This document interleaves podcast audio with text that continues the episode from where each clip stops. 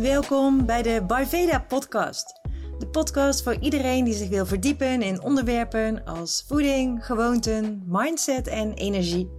Super leuk dat je luistert. Ik ben Nicole, holistic health coach, yoga teacher en founder van Ayurveda. Het eerste online yoga en Ayurveda platform van Nederland. Met heel veel liefde en enthousiasme deel ik kennis, tips en tools die jou helpen om mee te bewegen met de flow van het leven en die je ondersteunen om zelf de juiste keuzes te maken en stappen te zetten voor een happy en healthy body, mind en soul. Een goed begin is het halve werk en dat is echt zo. En in deze podcastaflevering ga ik je daarom meer vertellen over ochtendrituelen en hoe ze jou kunnen helpen om het optimale uit je dag te halen. Je leert ook hoe een fijne ochtendroutine je helpt om nog beter in te kunnen spelen op wat jij nodig hebt. Ik deel mijn ochtendrituelen met je en ik geef je tips voor een kickstart van je dag. Maar eerst neem ik je graag mee in een paar voorbeelden. Stel je voor, je wekker gaat, je schrikt wakker en je drukt de snoesknop nog een keer in. Je moet er eigenlijk echt uit. De energie is ver te zoeken vandaag. Je checkt even snel het nieuws.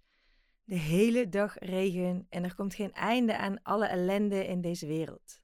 En daar word je eigenlijk ook niet zo vrolijk van. De wekker gaat nog een keer. Je zet hem uit, nog heel even door Instagram scrollen en dan ga je er echt uit. Je oude buurmeisje is op een prachtig strand in Tulum in Mexico. Damn, wat ziet ze er goed uit. Die glow, dat strakke lijf. Als jij zo'n lijf had, dan ging je ook lekker yoga doen in een hot pants. Een coach die je volgt heeft haar programma uitverkocht. Weer, hoe doet ze het toch steeds? Jij hebt nog maar één aanmelding voor jouw gratis online masterclass en die is volgende week al. Wat nou als er niemand meer bij komt? De moed zakt je in de schoenen en de stress giert meteen door je lijf. Shit, je komt nu echt te laat voor je eerste afspraak. Je sleept jezelf uit bed, schiet snel onder de douche, trekt je kleren aan en springt de auto in met een koffie to go. Even wakker worden en duimen dat het meevalt met de file. Lunch, dat zie je straks wel. Misschien kan je tussendoor even naar de supermarkt sprinten om een salade te halen. Het kan ook anders. En ook daarin wil ik je even meenemen. En stel je voor, je wordt wakker van het geluid van de vogeltjes. Het is nog donker. Je kijkt op de wekker en het is nog maar zes uur. Stilletjes ga je uit bed in de hoop dat iedereen nog even blijft slapen en je gaat naar beneden. Tel je yogamatje al klaar als reminder. Omdat je menstruatie elk moment kan beginnen, heb je iets minder energie en kies je voor een rustige slow flow les. Je sluit de les af met een meditatie waarbij je stilstaat bij waar jij dankbaar voor bent vandaag. Om te beginnen voor deze 20 minuten waarin je ongestoord deze yogales kon volgen. Het hele huis is nog steeds muisstil dus je hoopt dat ze nog even blijven slapen. Je bent ook dankbaar voor jullie fijne huis, waar je een heerlijk thuis van hebt kunnen maken. En voor die lieve collega die morgen je dienst overneemt, zodat je kan gaan helpen op school. Voor het fijne weekend met de hele familie. Er verschijnt vanzelf een glimlach op je gezicht. Wat ben je eigenlijk een geluksvogel? Je loopt naar boven maar voordat je onder de douche stapt, geef je je voeten nog een fijne voetmassage met warme sesamolie. En dan voel je hoe het warme water de laatste beetje spanning wegspoelt uit je lijf. Mama, mama, mama. Oké, gedaan met rust. Tijd om samen een havermout ontbijtje te maken. Je zet de oven aan en schuift daar de groenten in die je gisteravond al had gesneden. Kan je mooi meenemen met wat couscous als healthy lunch. Oké, dan hoor ik je denken, yeah right, dat kan dus echt niet met mijn werk of gezin of met wat dan ook. Je hebt inderdaad niet overal invloed op. Maar de kunst is kijken naar wat je wel aan kan passen om een fijne ochtendroutine voor jezelf te creëren. En dat begint met prioriteit en focus. Dus je hoeft geen uren eerder op te staan om die hele riedel aan ochtendrituelen af te werken. Een kwartiertje of een half uurtje extra kan al wonderen doen. Er zitten 24 uur in een dag, 1440 minuten om precies te zijn. Dus dan moeten 15 of 30 minuutjes wel lukken, toch? En als je denkt dat je daar echt geen tijd voor hebt, dan wil ik je uitnodigen om heel even je schermtijd erbij te pakken op je mobieltje. Om te kijken hoeveel uur per dag jij met je telefoon in je hand zit. En heel misschien, als je daar zo naar kijkt, naar dat getal, dan zie je wel dat daar nog 15 of 30 minuten winst te behalen valt. 15 of 30 minuten, een moment voor jezelf om de dag in alle rust te beginnen. En dat is heel belangrijk om mee te kunnen bewegen met de natuurlijke flow van dag en nacht. Licht en donker wisselen elkaar af. En ja, dat is niet heel zwart-wit. Dat is een vloeiende overgang. En dat vraagt ook een vloeiende overgang van ons om daarin mee te kunnen bewegen. En een dag heeft een begin, een midden en een einde, net als alles eigenlijk. Dat zie je ook terug bij een project, een jaar, een mensenleven. En periodes van dromen, van plannen maken en voorbereiding worden afgewisseld met periodes van actie en productiviteit. Dat is eigenlijk die do-modus waar we ons vaak het meeste in thuis voelen. En die periodes worden ook weer afgewisseld met periodes van reflectie en evalueren. Dus verschillende fases die, ja, waarna eigenlijk ook weer een nieuwe fase begint, weer een nieuwe cyclus begint. En dus weer opnieuw, na dat evalueren, komt weer opnieuw die fase van plannen, van dromen. En zo je gaat de natuur eigenlijk steeds door. En zo werkt dat ook in een dag. En een begin om langzaam wakker te worden, een einde om af te schakelen en een midden om productief en actief bezig te zijn. En heel veel mensen hebben dus alleen dat midden.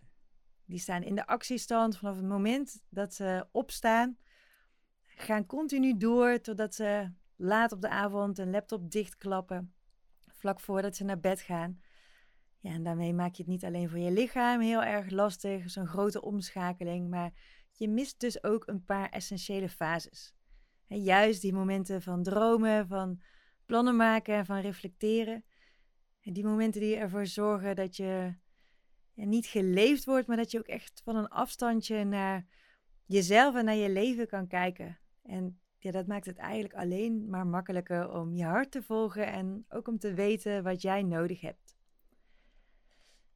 Ochtendrituelen dus zijn heel erg belangrijk en daarvoor geldt dat er geen one size fits all is. De ideale ochtendroutine bestaat niet, dus het is vooral belangrijk dat jij lekker gaat ontdekken wat past bij jou en waar jij blij van wordt. Ochtendrituelen helpen om afvalstoffen af te voeren die je lichaam tijdens de nacht opbouwt, maar ook om je lichaam langzaam in die actiestand te krijgen, om je lichaam daar een handje bij te helpen. En voor wat inspiratie ga ik mijn ochtendroutine en rituelen met je delen. Mijn wekker zet ik eigenlijk nooit. Dat is best wel een luxe, realiseer ik me ook. Um, behalve op donderdag. Want op donderdag geef ik om kwart over acht een yogales. En ja, dan zou het toch wel eens voor kunnen komen dat ik niet op tijd wakker ben. Dus dan zet ik voor de zekerheid een wekker. Maar ja, eigenlijk ben ik altijd van nature wakker tussen zes uur en half zeven. En die wekker, uh, overigens ook misschien, misschien nog wel interessant ter inspiratie. Uh, die wekker is een oude telefoon. Ik hou dus echt niet van het geluid van die digitale wekkers. Um, maar mijn telefoon wil ik ook niet naast mijn bed hebben, omdat dan de verleiding veel te groot is om toch even ochtends Instagram te checken of mijn mail alvast door te ploegen. Dus op mijn nachtkastje ligt een oude telefoon met een prepaid simkaart. Dat geeft ook wel een fijn gevoel dat ik toch kan bellen, mochten er in één keer inbrekers zijn of mocht er in één keer iets zijn. Um, dus dat nummer, een aantal mensen hebben ook dat nummer. De, dus daarop ben ik ook te bereiken. Maar uh, dat is dus mijn wekker. Um, ik begin dus hè, als ik wakker word, voordat ik mijn ogen open, het, dat heb je misschien al een keer gehoord. In aflevering 2 vertel ik daar ook iets meer over. Dan begin ik met een check-in moment. Dus waar ik eigenlijk heel even stilsta bij mijn lichaam, bij hoe ik me voel. Um, of ik veel of weinig energie heb bijvoorbeeld. Ja, maar ook over ja, plekken in mijn lichaam zijn die om aandacht vragen. Hè. Soms merk ik dat ik een beetje last heb van mijn rug of van mijn knieën. Voelt mijn buik niet helemaal oké. Dus ja, echt even een moment om daarbij stil te staan. En wat ik ook heel fijn vind, om daarin mijn dag te visualiseren. Om me echt voor me te zien hoe mijn ideale dag eruit ziet. dus dan zie ik voor me hoe ik helemaal relaxed in consult zit, hoe ik lekker productief aan het werk ben of hoe ik ja, helemaal vol enthousiasme en met twinkeling in mijn ogen een yogales sta te geven. Nou, ik visualiseer daarbij ook de dingen die ik belangrijk vind, hoe ik wil dat mijn ideale dag eruit ziet. En dat is bijvoorbeeld ook de tijd nemen om een gezonde lunch te maken. Ehm, tijd nemen om lekker in de zon een wandeling te maken. En dat zijn dingen die best wel belangrijk zijn. Want ik merk dat op dagen dat ik dat dus ook echt doe, dat ik echt die visualisatie voor me zie, vooral dat soort selfcare momenten ook voor me zie, dat de kans veel groter is dat dat er ook van komt. Omdat je bewust erbij stilstaat dat dat belangrijk is, dat dat een onderdeel is van je ideale dag. Ja, en dat is toch heel anders dan wanneer je achter je laptop zit, continu bent afgeleid door Instagram. Dat, eh, die dagen heb ik ook. Hè.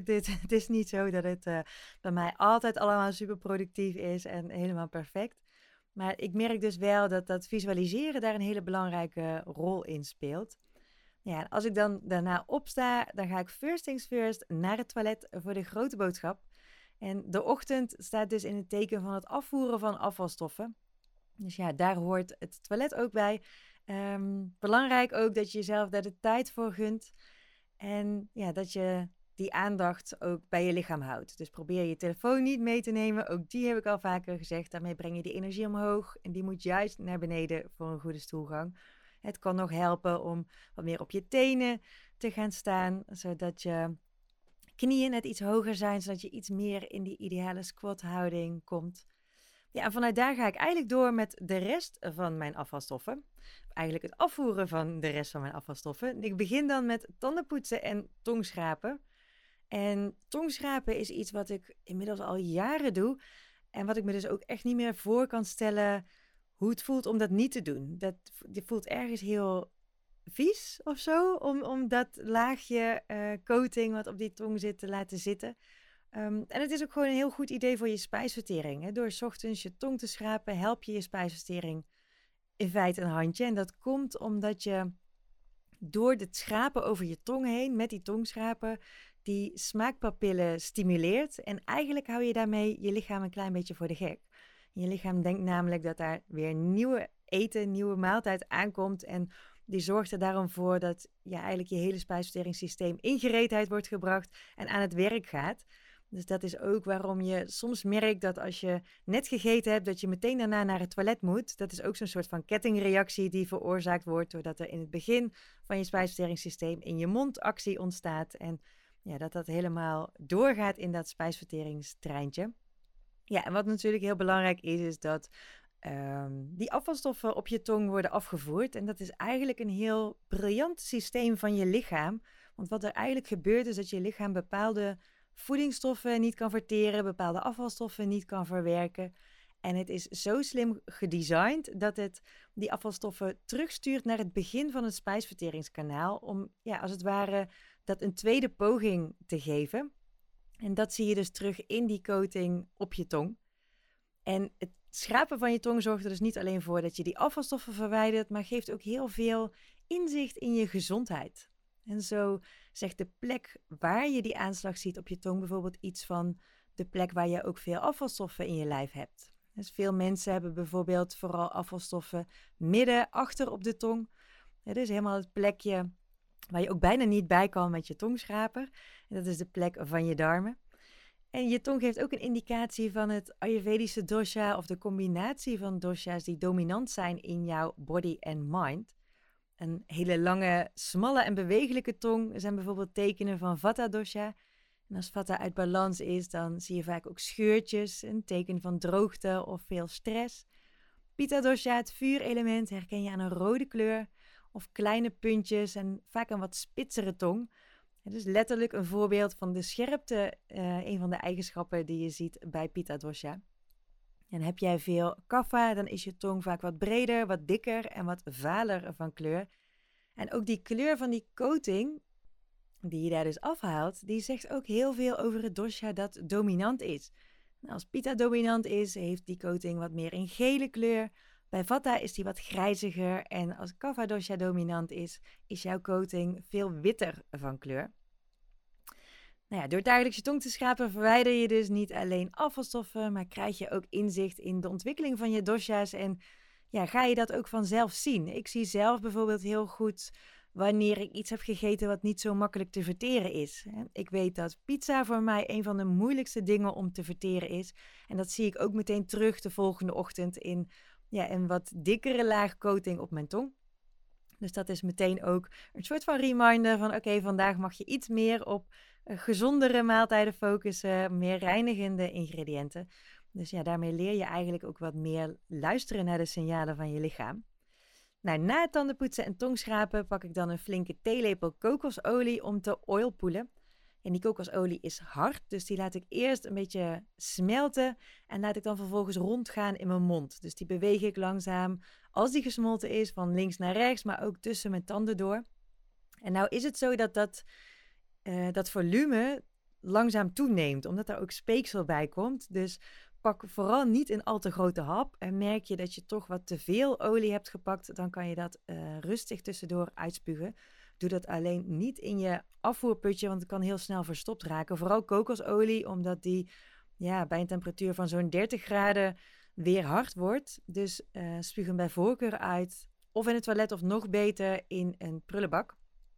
En die olie die absorbeert dus afvalstoffen en die wil je juist naar buiten werken. Dus probeer vooral die olie niet door te slikken. Nou, is het ook niet meteen een wereldramp als je dat wel doet, want uiteindelijk komt het in je spijsverteringssysteem terecht en met een beetje geluk poep je het gewoon weer uit. Maar beter is dus van niet om die afvalstoffen gewoon lekker meteen daaruit te halen. Um, ja, wat voor olie kan je daar het beste voor gebruiken, is een vraag die ik ook veel krijg. Ik gebruik zelf dus kokosolie. Dat doe ik omdat ik vooral veel vuur heb in mijn systeem en wat sneller last heb van ontstoken tandvlees. Standaard wordt in Ayurveda eigenlijk sesamolie gebruikt voor de meeste mensen. En dat helpt vooral als je last hebt van terugtrekkend tandvlees bijvoorbeeld. Dat is iets wat vaak voorkomt tijdens stressvolle situaties zwangerschap, maar ook op wat latere leeftijd. Dus dat zijn allemaal fases waarin Vata dosha wat meer dominant wordt.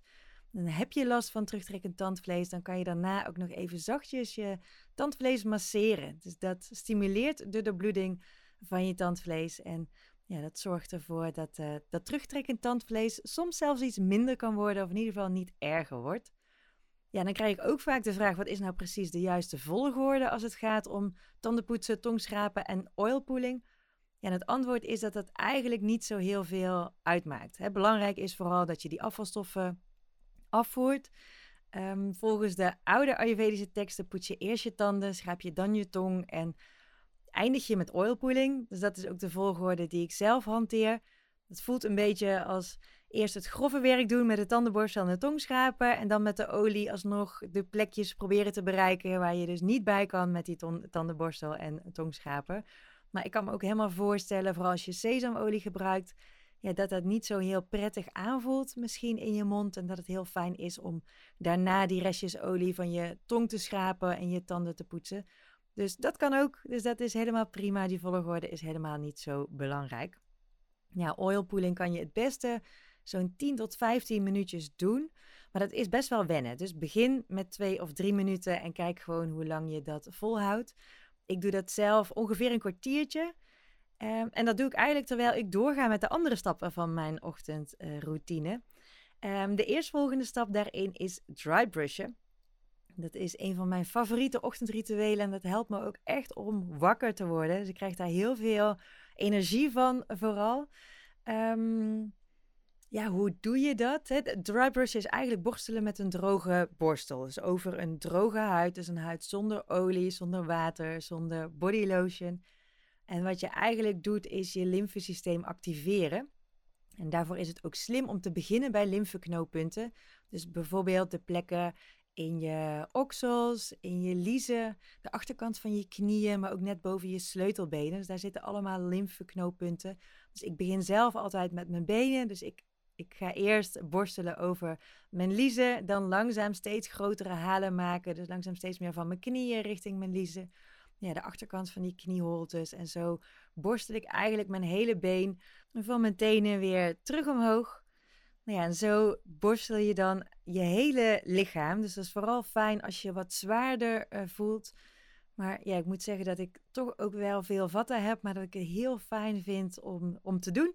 Wel belangrijk is als je een hele droge huid hebt, dat je daarna insmeert met olie. En dat is dus de volgende stap die ik doe in mijn ochtendroutine.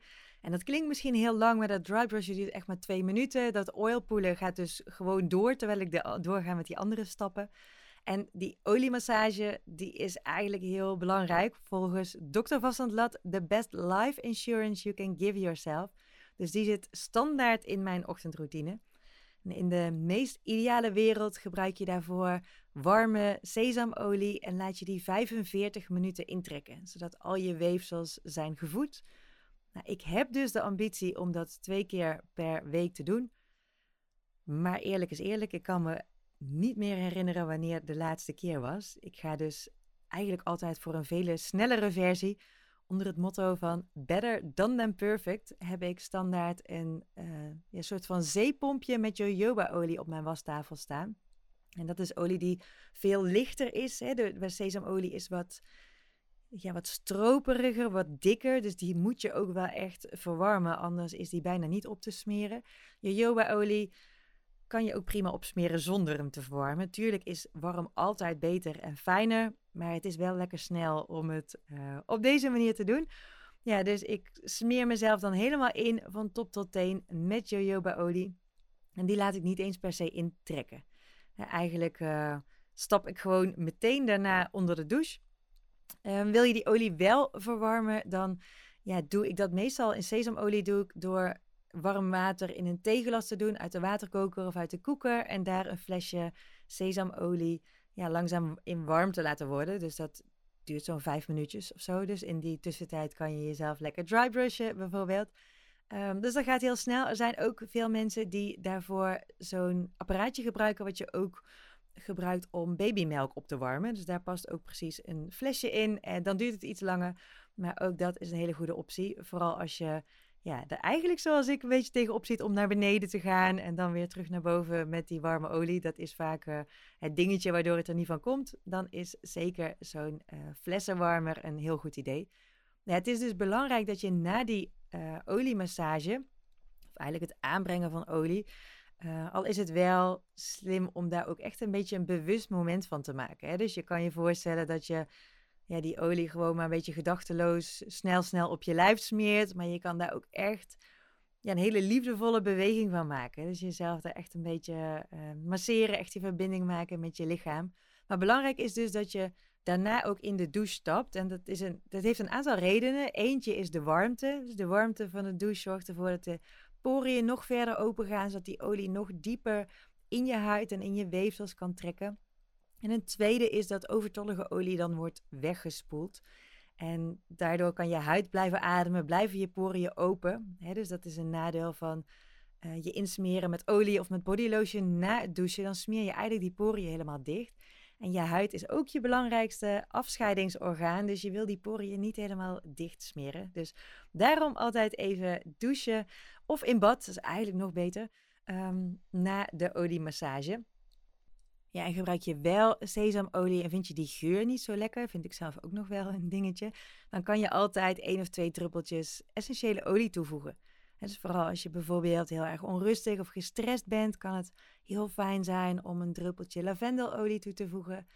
Of als je ja, juist jezelf wat meer wil activeren, kunnen allerlei citrusolieën heel erg fijn zijn voor wat meer uplifting effect. Um, wat ik zelf doe na het douchen trouwens, is dan pas mijn voeten masseren. Omdat vooral die onderkant van de voeten in een natte douche niet zo heel erg handig is. Dan glij je best wel snel uit. Dus ik doe altijd mijn hele lichaam en de bovenkant van mijn voeten. En als ik dan uit de douche kom, dan pas doe ik de onderkant. En ja, ik gebruik zelf altijd een beetje in adviezen als stelregel van als je maar 20% van je lichaam insmeert met olie, dan is dat prima. Dan blijft er genoeg huid over om te kunnen ademen. Dus uh, ja, ook een fijn moment om ja, even goed die voeten te masseren. Om ook weer die verbinding te maken met je lichaam. Om even ja, iets meer te grounden ook. Hè? Dat, de massage van je voet heeft ook echt wel een grounding effect. Dus vooral als je veel in je hoofd zit, kan dat een heel fijn moment zijn. Dus heb je weinig tijd, dan kan je natuurlijk ook altijd alleen maar die voeten doen. Nou ja, na het douchen begin ik dan met een groot glas warm water om lekker mijn lichaam helemaal door te spoelen. Ja, warm water uh, is daarvoor veel fijner dan koud water. Nog, ik heb het volgens mij al vaker uitgelegd, warm water is sowieso veel beter voor je spijsvertering. En koud water dooft je spijsverteringsvuurtje, omdat er daardoor minder bloed naar je maag en andere spijsverteringsorganen gaat. Maar warm water, ja, net als met de afwas, werkt het gewoon veel beter om alles schoon te maken. Dus ik vul altijd een groot theeglas voor ja, ongeveer de helft, twee derde met warm water. En dan doe ik dan koud water bij, zodat ik niet hoef te wachten en meteen mijn water kan drinken. Ja, en als ik dan beneden ben gekomen, mijn glas warm water heb gehad, dan probeer ik altijd even yoga te doen. Dat doe ik meestal wel vier of vijf keer in de week. Maar ik probeer daar ook niet al te streng in te zijn. Op momenten dat ik bijvoorbeeld mijn menstruatie heb of heel weinig energie heb, dan kan ik ook soms even iets anders doen. Het is dan vaak heel verleidelijk om mijn telefoon te pakken en toch op Instagram te gaan scrollen. En ja, voordat ik het weet, ben ik dan een half uur verder. Dus als ik geen yoga doe, dan probeer ik wel iets anders daarvoor in de plaats te doen. Dus een korte meditatie of een yoga nidra bijvoorbeeld, als ik weinig energie heb, nog even lekker op de bank onder een dekentje met de kat, een ademhalingsoefening of ja, heel even schrijven. In een journal zijn ook allemaal hele fijne momenten om uh, ja, rustig de dag te beginnen. En journalen kan bijvoorbeeld ook een moment zijn waarop je iets meer vooruitkijkt naar de dag of ja, waarbij je stilstaat bij waar je dankbaar voor bent of dromen, gewoon dingen die er in je omgaan, emoties die je voelt, uh, gewoon lekker dingen op te schrijven. Ja, en dan breekt meestal het moment aan dat Bart, mijn vriend, ook beneden komt. Dus is het tijd om even te kletsen, om samen een koffietje te drinken. Eigenlijk kan je beter koffie niet op een lege maag drinken. Maar soms heb ik daar dan toch zin in en heb ik nog geen honger. Dus sla ik mijn ontbijt even over, stel ik mijn ontbijt even uit en dan drink ik toch even samen een koffietje. Um, als ik wel goed mijn best wil doen, dan vervang ik die koffie door een koffiealternatief. Dus door een kurkuma latte of door een chico koffie bijvoorbeeld. Um, ja, dan is dus even een momentje van socializen. Ja, en dan gaan we, dan gaan we het werk. En dat is eigenlijk een beetje hoe mijn ochtendroutine eruit ziet. En ja, dit is dus maar een voorbeeld. Hè. Er is geen ideale ochtendroutine. Ik moet zeggen dat mijn ochtendroutine ook best regelmatig verandert. Er zijn bepaalde dingen die ik echt altijd doe. En er zijn ook dingen die ik soms oversla. Ehm, en ik denk ook dat dat heel goed is. Dat je niet heel rigide werkt met een, een, schema, maar dat je daar ook een beetje flexibel in bent. En ja, zodat je dat ook kan aanpassen aan wat jij nodig hebt, welke behoeften jij hebt. Ik heb bijvoorbeeld ook een hele tijd yoga gedaan. First things first. Nog voordat ik naar het toilet ging. Gewoon in mijn pyjama. Dat deed ik zelfs op de badkamer. Ik had daar mijn yogamatje liggen, dus ik kon daar niet omheen. Ik wilde heel graag een dagelijkse uh, yoga practice ontwikkelen. Dat moest eigenlijk ook voor mijn yoga teacher opleiding jaren geleden. En ja, dat was eigenlijk mijn manier om dat te introduceren. Dus de yogamat waar ik vanzelf opstapte als ik uh, de badkamer in kwam. En de afspraak met mezelf dat ik daar elke dag vijf minuten mijn dag zou beginnen. Dus ik had een hele playlist gemaakt van allemaal nummers die vijf minuten duurden. Dus ja, dan wist ik ook van oké, ik doe één nummer op Spotify. En ja, als dat klaar is, dan ben ik ook klaar. Dan zit mijn vijf minuten erop. En de ene keer was dat actief een paar rondes zonnegroeten. Een andere keer ja, was dat gewoon vijf minuten in Shavasana liggen om even rustig adem te halen. Als ik ja, merkte dat ik vooral heel erg onrustig of gestrest was. Dus het was wel een mooie manier om ja, daar ook eigenlijk die vijf minuten aan te passen op wat ik nodig had. Ja, en door iets elke dag te doen, wordt het dus wel veel makkelijker. Omdat je er dan niet over nadenkt. Het is veel makkelijker dan wanneer je met jezelf afspreekt om iets drie keer per week te doen. Dan ga je toch sneller denken van, oh ja, morgen. Of je vergeet het, omdat het niet standaard is. Dus elke dag is soms makkelijker. Elke dag een klein beetje is soms makkelijker dan drie keer in de week heel veel. Het allerbelangrijkste is dat je doet wat goed voelt voor jou en waar jij blij van wordt. Dus de focus ligt in de ochtend heel erg op het afvoeren van afvalstoffen en het langzaam activeren van je lichaam. En dat kan natuurlijk op heel veel manieren. Misschien ga je lekker buiten wandelen, ga je even vijf minuten dansen door de kamer. Ik, ik ruil mijn yoga soms ook wel in voor even vijf minuten deadliften met een grote halter. Om ja, me gewoon even wat sterker en krachtiger uh, te voelen. En misschien maak jij van je koffie echt een ritueeltje. Hè? Dus, dus het verschil zit daarin. Heb ik onlangs geleerd van Ludo van Go to. Ik had daar nog nooit zo over nagedacht. Maar het verschil tussen een routine en een ritueel is dat je iets echt met volledige aandacht doet. En dat is wel heel grappig om te vertellen, want gisteren ging dat bij mij dus echt helemaal mis. En heel soms, het allerbeste werkt het als je een, bepaalde routine wil volgen, dat je dingen in een vaste volgorde doet. Dan, zeker als je iets nieuws wil introduceren, dan vergeet je het minder snel. Hè? Dus zo ben ik begonnen met tongschrapen iedere keer na het tandenpoetsen. Of eigenlijk was ik eerder begonnen met oilpoelen en heb ik tongschrapen daartussenin, um, daartussenin geplaatst, zeg maar. Maar iedere keer dezelfde volgorde, dat werkt het beste. En ik merk dat ik heel soms dat olie vergeet. En dat vergeet ik vooral als ik dan mijn telefoon niet beneden heb laten liggen, maar op de badkamer heb neergelegd. En dat ik dan vanaf het moment eigenlijk zo tussen het naar het toilet gaan en mijn tanden poetsen, toch even alvast een keer op Instagram kijk. En dan ben ik meteen heel erg afgeleid. En dan stap ik dus soms onder de douche zonder dat ik mezelf helemaal heb ingesmeerd met olie. Of dan heb ik alleen gedrybrushed of ben ik ook dat vergeten. En dan, omdat ik me niet daarna helemaal wil insmeren met olie, doe ik dan dus alleen maar even mijn schenen. Die zijn het meest droog en mijn voeten.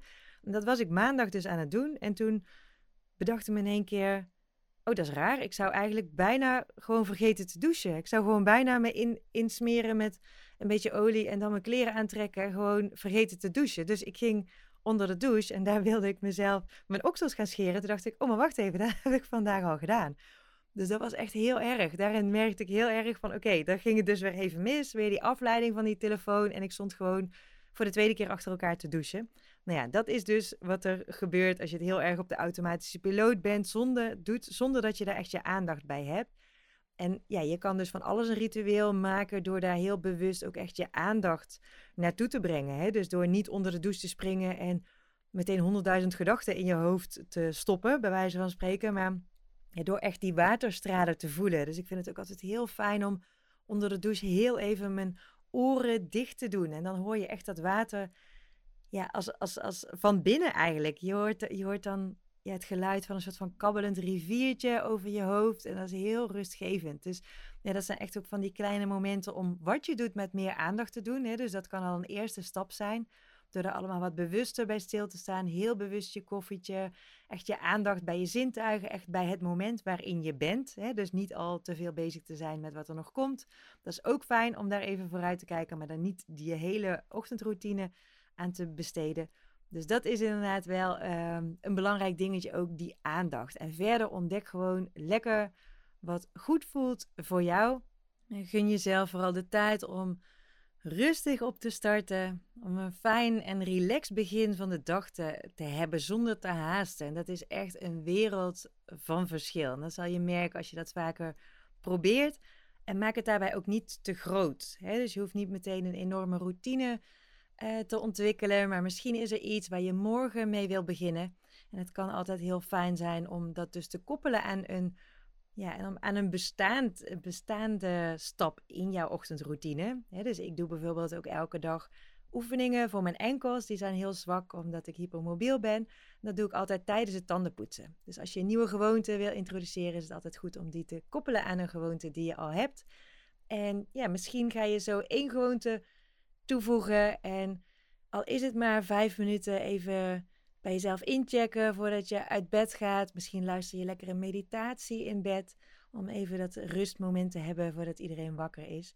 Dus er is altijd wel iets te bedenken wat jouw ochtend nog iets fijner kan maken voor een ideale kickstart van je dag. Dankjewel voor het luisteren. Vond je deze podcast waardevol? Laat me dan vooral weten via een berichtje op Instagram. Ik ben heel erg benieuwd wat je van deze podcast hebt geleerd. En heb je vragen of een onderwerp waar je graag meer over zou willen horen? Let me know. Misschien kan dat een onderwerp zijn voor een van de volgende afleveringen. Super lief als je de podcast deelt op social media of doorstuurt naar iemand die hier ook inspiratie uit kan halen. En je helpt me enorm door een review achter te laten en abonneer je op deze podcast als je geen aflevering wil missen. Een hele fijne dag nog en heel graag tot een volgende aflevering.